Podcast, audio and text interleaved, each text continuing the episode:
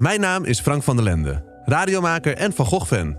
Na mijn vakantie naar het zuiden van Frankrijk ben ik betoverd geraakt door de kunst en de romantiek van het verhaal van Vincent van Gogh. Eigenlijk ben ik dol op alles wat met Van Gogh te maken heeft. Ik kom graag in het 50 jaar oude Van Gogh Museum. Maar hoe meer ik over hem leer, hoe minder ik er eigenlijk van begrijp. Hoe kan een kunstenaar, die vrijwel onbekend was toen hij stierf, uitgroeien tot een van de beroemdste kunstenaars ter wereld? Ik ga op zoek naar het verhaal van Vincents weg naar wereldroem. Een verhaal over worstelingen, broederliefde, familiebanden en een onverwoestbaar verlangen om een grote droom te verwezenlijken. Dit doe ik door in gesprek te gaan met Van Gogh-experts, familie van de kunstenaar en andere gasten. Vincent was even belangrijk voor Theo als Theo voor Vincent. Nou, sowieso is het, is het voor hem eigenlijk zijn gelukkige tijd. En nou, die komt natuurlijk zo snel als die kan en die, die treft zijn broer zwaar gewond, maar levend aan. En die legt dan op een gegeven moment zijn hoofd naast hem op het kussen en dan fluistert Vincent net als in Zundert. Met de verhalen die zij mij vertellen, richt ik mijn eigen museum in.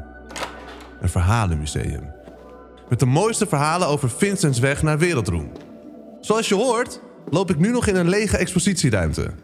Maar hier krijgen de meest bijzondere verhalen, die ik in de serie ga verzamelen, een plaats.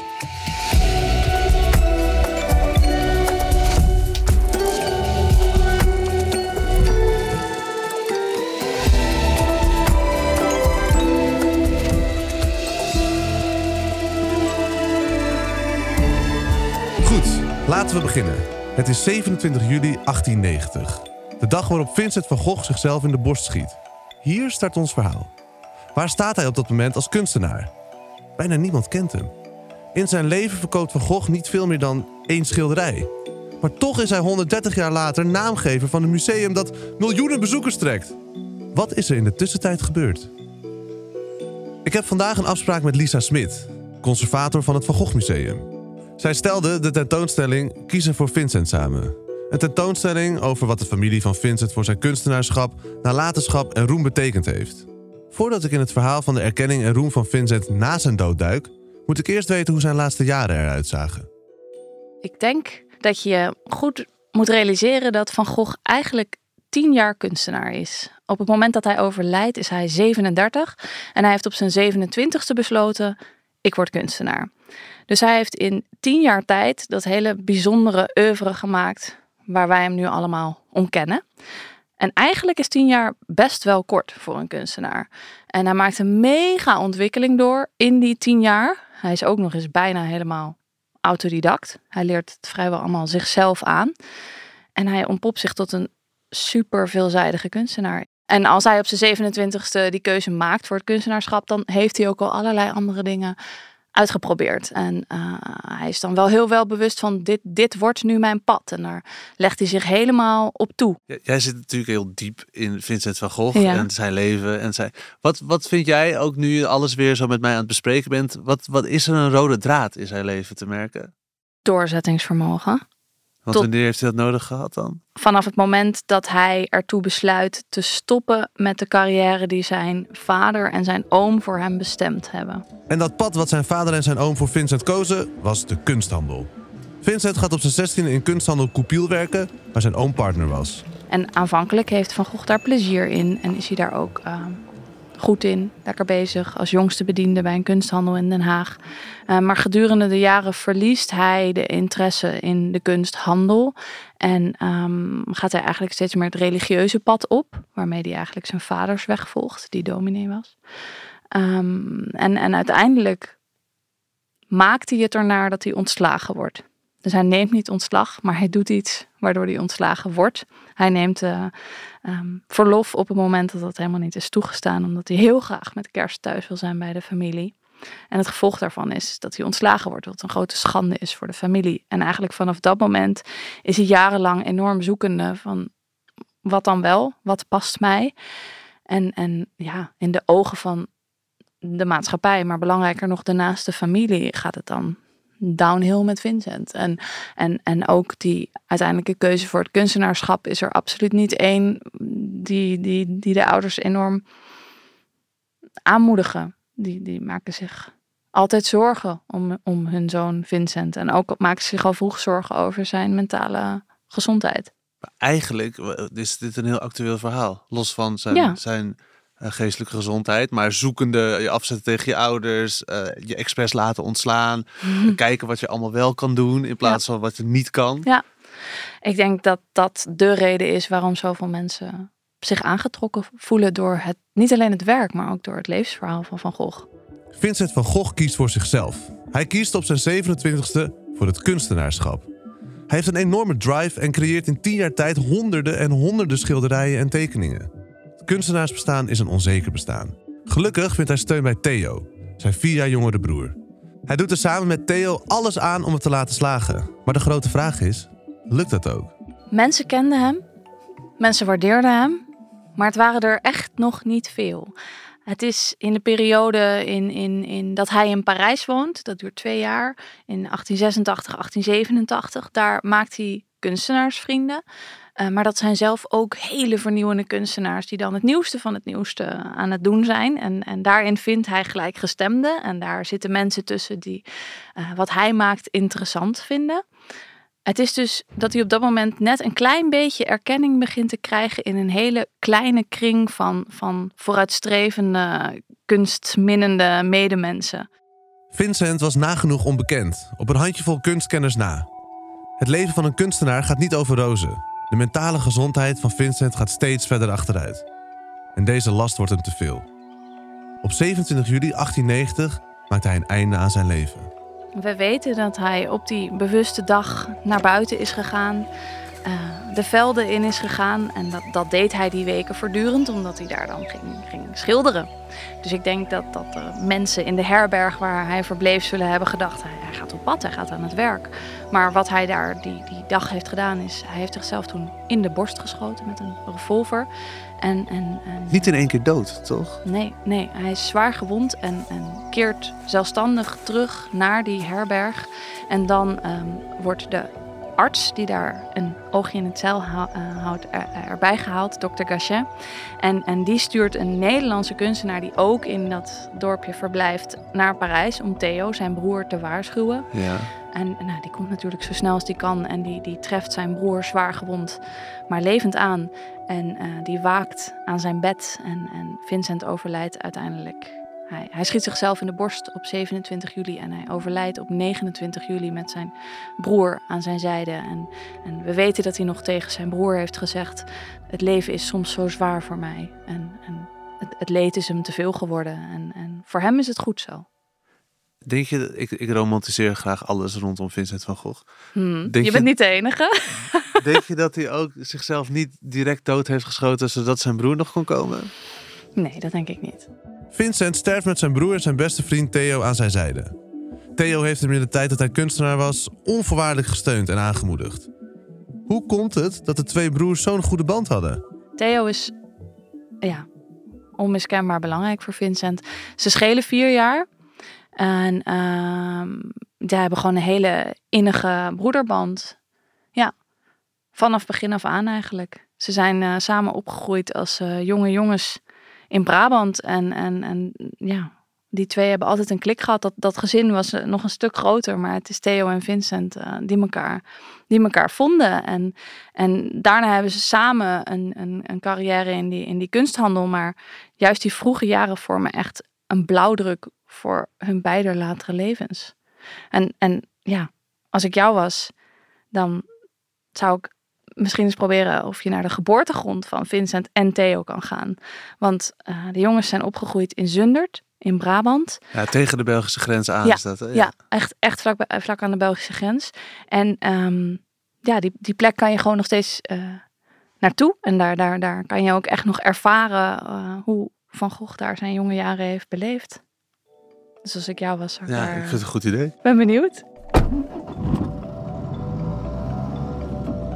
Op aanraden van Lisa ga ik naar de geboortegrond van Vincent en Theo. Ik ontmoet daar Ron Dirven, directeur-conservator van het Van Goghhuis in Zundert. Hier woont de familie en is de basis voor de broederband tussen Theo en Vincent gelegd. Waarom is deze plek zo belangrijk voor de ontwikkeling van de schilder en de band tussen hem en zijn broer? Dit is een herdenkingssteen die is aangebracht in 1953 uh, op de plek waar Van Gogh is geboren, in de oude pastorie. Zijn vader was dominee in Zundert. Helemaal, helemaal terug naar de oorsprong dus, waar hij is geboren. Hij is geboren in een familie, de familie van Gogh. Wat voor familie was het? Het was een uh, belangrijke protestante familie in een katholiek boerendorp. En zijn vader uh, was dominee, dus die werd hier dominee in Zundert. En Vincent is de oudste zoon. Twee broertjes, drie uh, zussen. En zij hebben hier gewoond. En er werd wel verwacht van de kinderen dat ze ook carrière zouden maken. En dat kon niet hier in Zundert. Dus ze moesten ook wel eigenlijk al heel jong uitvliegen naar de steden om daar carrière te gaan maken. De vader van Vincent was dominee van de protestantse kerk in Zundert. De familie woonde in de pastorie, vlakbij de kerk. En wat voor rol heeft het kerkje gespeeld in de familie en in het succes misschien van Van Gogh? Nou, het protestantse geloof was natuurlijk heel belangrijk. Ja. En, en hij wilde uh, sowieso vanuit het protestantse geloof was zijn liefde voor de natuur, wat je ook in zijn schilderijen ziet, dat was heel erg belangrijk. Want om dicht bij God te komen moest je heel veel tijd in de natuur doorbrengen. Dat deden ze ook hier. Gingen ze heel veel wandelen in de natuur. Dat was de protestantse leer? Ja, dat was die leer. Vooral de richting die zijn vader aanhing. De Groningen richting was dat. Was om, om dicht bij God te komen moest je heel veel in de natuur doorbrengen. Ondertussen wordt het riool leeggezogen hier. Dus ik dacht misschien kunnen we of het kerkje ingaan. We kunnen erin. Of de natuur in. Maar als, als je de sleutel van het kerkje hebt, ja, graag. De handen vrij. Oh, dubbele deur. Ja.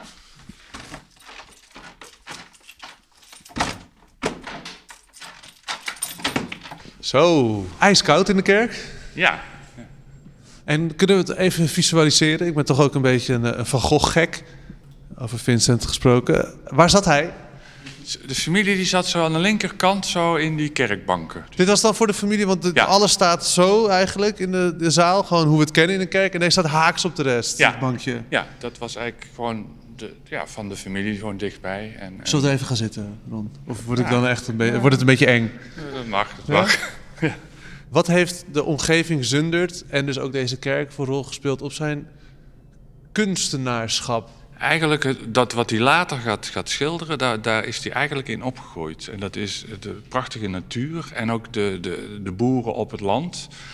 Dus dat is in tegenstelling tot in de tijd dat hij uh, begint als kunstenaar, is nog de tijd van de Haagse school. Dan komen de schilders uit de steden, Den Haag en Amsterdam, die, die herontdekken dan Brabant. Want er is dan een soort romantisch gevoel van wat teruggrijpt op de 17e eeuw, de oude landschappen van Ruistaal en van Gooien. En dat zoeken ze dan op. En dan Brabant, dat heeft, heeft eeuwenlang uh, is, daar, is dat ja, achtergesteld gebleven. Mhm. Dat is nog heel authentiek. Dan heb je hier al die bossen en heidevelden, echt de woeste gronden wordt het genoemd. Dus dan trekken de, de kunstenaars massaal uh, het platteland in. Je hebt dan de uitvinding van de verftube, dus dan is het makkelijker om ook als schilder echt het land in te gaan. Dus het wonen hier heeft hem geholpen om die tijd te begrijpen, want hij keerde gewoon weer terug. En wat de, nou ja, de, misschien toch een beetje de elite uit de Randstad niet konden, omdat ze dit niet begrepen, kon hij juist wel, omdat hij een boerenjongen is. Ja, hij, hij stond er heel dichtbij en hij was er vertrouwd mee, met, met zijn, eigenlijk zijn onderwerp. En kan je een soort van eh, iets samenvatten wat de tijd geeft die hij in Zunnert heeft doorgebracht, wat het voor Van Gogh heeft betekend als kunstenaar uiteindelijk? Um, nou, sowieso is het, is het voor hem eigenlijk zijn gelukkige tijd. En het is ook de enige tijd dat het gezin helemaal bij elkaar woont. En dan ja, vliegen ze uit en dan gaan ze schrijven. En natuurlijk vooral de correspondentie met Theo is, is belangrijk. En uh, ja, die, dus die gemeenschappelijke band met zijn familie, uh, die, koest, die blijft die koesteren. Ja. Hij, hij, refereert ook altijd aan Zundert als aan de gelukkige tijd. En als hij met Theo iets wil beschrijven uh, wat ze allebei kennen, dan gaat het heel vaak over Zundert, want daar hebben ze samen gewoond. Als, als Vincent in, in uh, Arles zit en hij snijdt daar zijn, zijn, zijn oor af en na ruzie met Gauguin, dan belandt hij in de kliniek. Dan zoekt Theo hem op en die legt dan op een gegeven moment zijn hoofd naast hem op het kussen en dan fluistert Vincent net als in Zundert. Want hier deelden ze ook een slaapkamer samen. Ze, ze sliepen bij elkaar op een kamer. Ook wel, nou ja, dan maak je heel veel met elkaar mee. Is hier ook de basis gelegd voor die band? Absoluut, ja, ja, ja. Hier, is, hier is echt de basis gelegd voor de broederliefde. En uh, uiteindelijk houden ze contact door die correspondentie. Natuurlijk die, die honderden brieven die allemaal even, even fantastisch zijn. En met name natuurlijk de brieven tussen Vincent en Theo. En, en, en uh, ja, zij blijven elkaar steunen.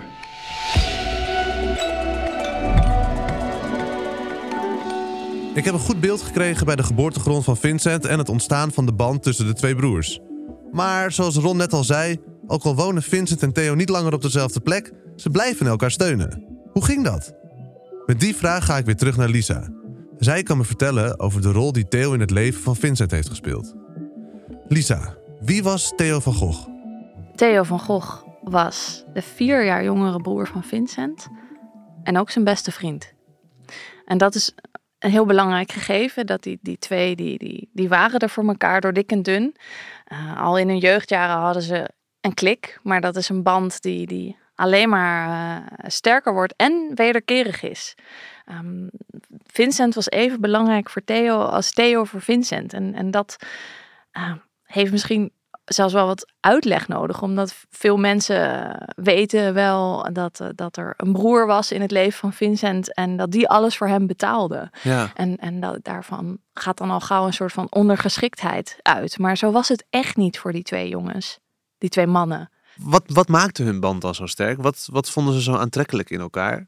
Nou, ze hebben heel erg sterk dezelfde interesses. Nou is het dus wel zo, en dat, dat, dat, dat geeft Theo volmondig toe, dat hij uh, in zijn jonge jaren enorm tegen Vincent opzag. En, en ook zijn, zijn smaak in de kunsten helemaal laat vormen door wat zijn grote broer zegt. Maar nou, afgezien van dat je met de ene broer of zus, ik kan me zo voorstellen, zeker in een groot gezin, meer mm. of minder een klik hebt. Nou, die, die klik is er bij deze twee. Maar ze, ze delen natuurlijk heel erg die, die ervaring ook met elkaar. Net als Vincent gaat ook Theo al jong in de kunsthandel aan de slag. En dan is hij een jaar of vier enorm zoekende naar zijn weg. En, en ja, uiteindelijk zit hij helemaal berooid en vervreemd van zijn familie in, in de Belgische mijnstreek. En ondertussen is Theo wel lekker bezig in de kunsthandel. En um, ja, zijn ouders, hun ouders maken zich grote zorgen om Vincent. En, en Theo gaat dan naar zijn oudere broer toe. Maar, maar nu echt, ja, hebben ze heftige ruzie. Omdat Theo wijst hem ook op zijn verantwoordelijkheden. Zo van, hoe lang ben je nog van plan om de zak van de familie te teren? Wat ben je nou aan het doen, man? En dan zijn ze gebrouilleerd. Voor, voor bijna een jaar is er, is er geen contact. En dan uiteindelijk is er het moment in 1880 op initiatief van Theo. Die is dan net um, in Parijs aan de slag gegaan. Nog steeds voor diezelfde firma Goupil. Hij verdient dan wat meer. En hij stuurt dan 50 francs naar Vincent op. Dus dat is ook ja, een belangrijk moment waarin hij um, verantwoordelijkheid kan nemen voor zijn broer. Ik denk dat hij dat ook heel erg deed om dan weer zijn, hun ouders te ontzien. Ja. Maar daarmee wordt ook het contact tussen de twee weer opgestart. En we weten dat heel vlak daarna Vincent definitief dat besluit neemt. Ik word kunstenaar. En daar ga ik me nu voor de volle 100% op focussen. En dat is van dag 1 af geweest met de steun en het vertrouwen van Theo. En Vincent verdiende nog niks, ook al had hij besloten: ik word nu kunstenaar. Nee. Met zijn met zijn schetsen, met zijn werken. Nee. Dus die had Nee. gewoon eigenlijk geen, geld, geen eigen geld. Nee, op dat punt zeker niet. En Theo zat maar eh, Ja. te lappen. Van begin af aan stuurt hij vaak tekeningen en later ook schilderijen naar Theo om hem zijn vorderingen te laten zien. Want Ja. Theo is kunsthandelaar, die zit in Parijs. Hij stelt de mening van zijn broer op prijs, omdat het zijn beste vriend is, maar ook omdat het een professional is. Dus die uitwisseling is er sowieso al. Maar op een gegeven moment is het Vincent die met het voorstel komt. Broer, het is, het is maar beter. ehm, dat wat, wat ik maak, beschouw ik als jouw eigendom. En voor hem is dat bedoeld om, om, om die band ja, iets zakelijker te maken. Een Dat hij soort toch iets, ja, dat hij iets tegenover kan zetten tegen die, tegen die maandelijkse toelage die hij krijgt. Dus ook met het geven op het moment dat het gaat verkopen, als Ja. dat moment zou aanbreken. Gaat dan het geld naar Theo en niet is- naar Vincent. Ja, dan kan die, kan die gaan terugbetalen, zo gezegd. Er is dus een groot contrast tussen Mhm. Theo en Vincent in de ogen van de familie. En dat contrast wordt eigenlijk nog groter als eh, Theo een volgende hele belangrijke stap in zijn leven zet. Hij komt namelijk de liefde van zijn leven tegen, Jo Bonger. En eh, die twee verloven zich. En eh, dat valt gek genoeg bijna op de dag af samen dat zij hun ouders in Nederland toestemming vragen om zich te mogen verloven. Valt bijna samen met het moment dat Vincent zijn oor afsnijdt. Dus eigenlijk het moment, er zit twee dagen tussen, waarop Theo weer zo'n stapje zet op die maatschappelijke ladder en de liefde vindt. Ja, heeft Vincent die enorm tragische gebeurtenis. Want ze hadden bijna een soort van, van liefdesrelatie, Vincent en Theo. Ja. Broederliefdesrelatie. Ja, En dan komt opeens iemand anders bij. Hoe was de band met hun drieën dan? Nou, die, van- die is dus heel goed. Dat, is, dat vind ik ook heel mooi. Jo, uh, daar, daar, daar zul je nog veel meer over horen. Want Jo heeft ongelooflijk veel betekend voor, voor de nalatenschap voor, van Vincent. En, en, uh, en voor, voor de grote droom van de broers om erkenning te vinden voor het werk van Vincent. Jo begrijpt al heel vroeg hoeveel Vincent voor Theo betekent. En, en ze sluit Vincent zelf in haar armen. En er bestaat ook correspondentie tussen Vincent en Jo. Zij schreef elkaar ook brieven ja. om ja. Theo heen.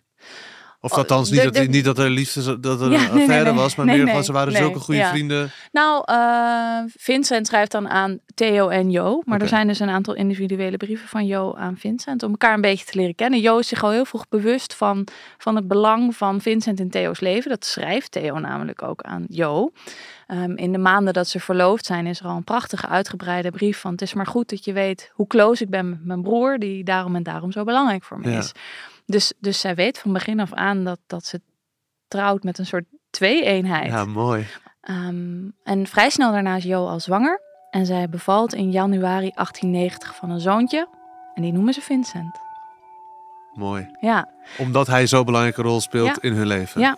Vincent schildert het allermooiste kraamcadeau ooit voor zijn kleine neefje. Namelijk de amandelbloesem. Een van de bekendste werken die we kennen van Van Gogh. Theo en Jo koesteren het doek. Maar het geluk duurt niet lang. Vincent overlijdt op 29 juli 1890. Met Theo aan zijn zijde. Wat voor impact heeft het op Theo, het overlijden van zijn allerbeste vriend, tevens oudere broer? Theo is daar helemaal kapot van. Ja, niet minder dan dat. Ja. Op dat moment, Jo zit dan in Nederland met de baby. Ehm, de, de, de begrafenis van Vincent is al vrij snel na het overlijden. En ehm, dan, dan zorgt Theo ervoor dat de meeste werken die Vincent op dat moment nog in Auvergne liggen, naar, naar Parijs eh, komen. En vervolgens gaat Theo dan zelf naar Nederland, naar de familie toe. Maar ja, hij is echt een, echt een gebroken man. Maar tegelijkertijd is hij ook meteen misschien nog wel meer vastberaden dat hij op zoek wil naar erkenning voor zijn broer. En daar gaat hij ook meteen enorm mee aan de slag. Wat Theo meteen voortvarend aanpakt, is dat hij een grote overzichtstentoonstelling wil van het werk van zijn broer. En ehm, op het moment eh, heeft hij zo'n 350 schilderijen van, van Vincent, die dus van, van hem zijn, bij hem zijn. Ehm, hij probeert dat bij een kunsthandel te doen. Dat lukt uiteindelijk niet. Maar eh, hij en Joost staan op het punt om te verhuizen. En eh, in een nieuwe appartement dat nog helemaal leeg is, richt hij dan samen met een goede kunstenaarsvriend van Vincent en hemzelf eh, in met de kunst van Vincent. En tegen de tijd dat, dat dat dan hangt, is het september. Ja. Maar wat een heel belangrijk en buitengewoon triest gegeven is, is dat Theo ook heel ziek is. En, en nou ja, hij heeft in januari een, een baby gekregen. En nou, veel mensen die net een baby hebben, die weten dat dat eh, een, een, een uitputtingsslag eh, kan zijn. Ehm, en daarnaast heeft hij de grote zorgen om Vincent, het verlies van zijn broer Vincent. En daardoor ja, wordt misschien een beetje over het hoofd gezien dat, dat het ook echt niet goed gaat met de gezondheid van Theo. Die sowieso al iemand was die zijn leven lang eigenlijk wel een kwakkelende gezondheid had. Maar eh, dan, als die tentoonstelling gereed gebracht is, die schilderijen van zijn broer hangen in zijn appartement in september. Dat is echt zijn laatste krachtins krachtinspanning geweest. Daarna stort hij zelf finaal in, begin eh, oktober. En dan verliest hij zijn verstand. Hij Nee. wordt opgenomen eh, in, een, in een kliniek ook. En, en in november wordt hij overgeplaatst naar, naar Utrecht. En, en hij is niet meer bij zinnen. Jo, jo heeft niet meer met haar geliefde Theo kunnen, kunnen spreken in die maanden. Ze is hem eigenlijk al kwijt. En, en hij overlijdt aan, aan de gevolgen van een syphilis-infectie. Dat was in der tijd eh, best veel voorkomend. Er zijn eh, veel, veel beroemdheden van Baudelaire tot Al Capone eh, aan, aan syphilis overleden. Want je kon dat toen nog niet behandelen zoals nu. En uiteindelijk, als je in de laatste fase daarvan raakt, kan je een bacteriële infectie in de hersenen oplopen. En dat is zeer hoogstwaarschijnlijk wat er in Theo's geval gebeurd En is. wanneer was dat? Als we de tijdlijn even afmaken. Mhm. Januari dus is vader geworden. Ja, In juni zijn broer verloren. juli. Juli, Juli. sorry. En dan in januari overlijdt hij ook. 25 januari 1891 overlijdt Theo. En in de week daarna wordt zijn zoontje één. Dus dan heb je binnen een half jaar zijn zowel Vincent eh, als Theo heen gegaan. En eh, blijft Joe achter. Wat een familiedrama eigenlijk. Ongelooflijk, ja. Diep triest. Een familiedrama is zacht uitgedrukt. De steun en toeverlaat achter de carrière van Vincent kan zich niet meer inzetten om hun droom te verwezenlijken. Theo laat Joe en zijn amper één jaar oude zoontje achter. Daarnaast blijft Vincents gigantische nalatenschap achter. Honderden schilderijen, tekeningen en brieven die Vincent door de jaren heen naar Theo had gestuurd. We staan op een kruispunt. Wat moet Joe doen met deze enorme erfenis? Mijn verhalenmuseum heeft inhoud nodig. Na alle verhalen die ik vandaag heb gehoord, ben ik goed op weg, maar ik ben er nog lang niet. Ik wil voor deze aflevering in het bijzonder het verhaal van de broederband uitlichten. Het spreekt me zo aan omdat de band tussen Theo en Vincent voor eeuwig is. Een voorwaardelijk geloof van Theo in het kunstenaarschap van, van Vincent. Vertrouwen, ook als het even niet goed gaat. Maar vooral de liefde die je voor elkaar voelt als je familieband hebt. Je kan ruzie maken en je weet toch wel dat het goed komt. Dat gold voor Theo en Vincent. En als ik naar mijn eigen leven kijk, dan geldt dat ook voor mij en mijn broer. We steunen elkaar ook door dik en dun, hebben het vertrouwen in elkaar. Soms zijn we de allerbeste vrienden en soms hoef ik hem even niet te zien. Maar uiteindelijk komt het altijd goed, omdat je bij elkaar hoort en van elkaar houdt. En dat zie je ook heel erg terug in hoe Vincent en Theo met elkaar omgaan. Dus daarom kies ik voor dit verhaal in mijn verhalenmuseum. In de volgende aflevering duik ik in de beslissing die Jo van Gogh Bonger heeft moeten maken. Ze was 28, dan was ze weduwe. En dan zit je met een kindje van een jaar oud. En dan die honderden kunstwerken. Wat nu? Er afstand van doen? En aan wie dan? Of het houden en er alles aan doen om de droom van Vincent en Theo voor te zetten? Dit hoor je in de volgende aflevering van Van Gogh en de weg naar wereldroem.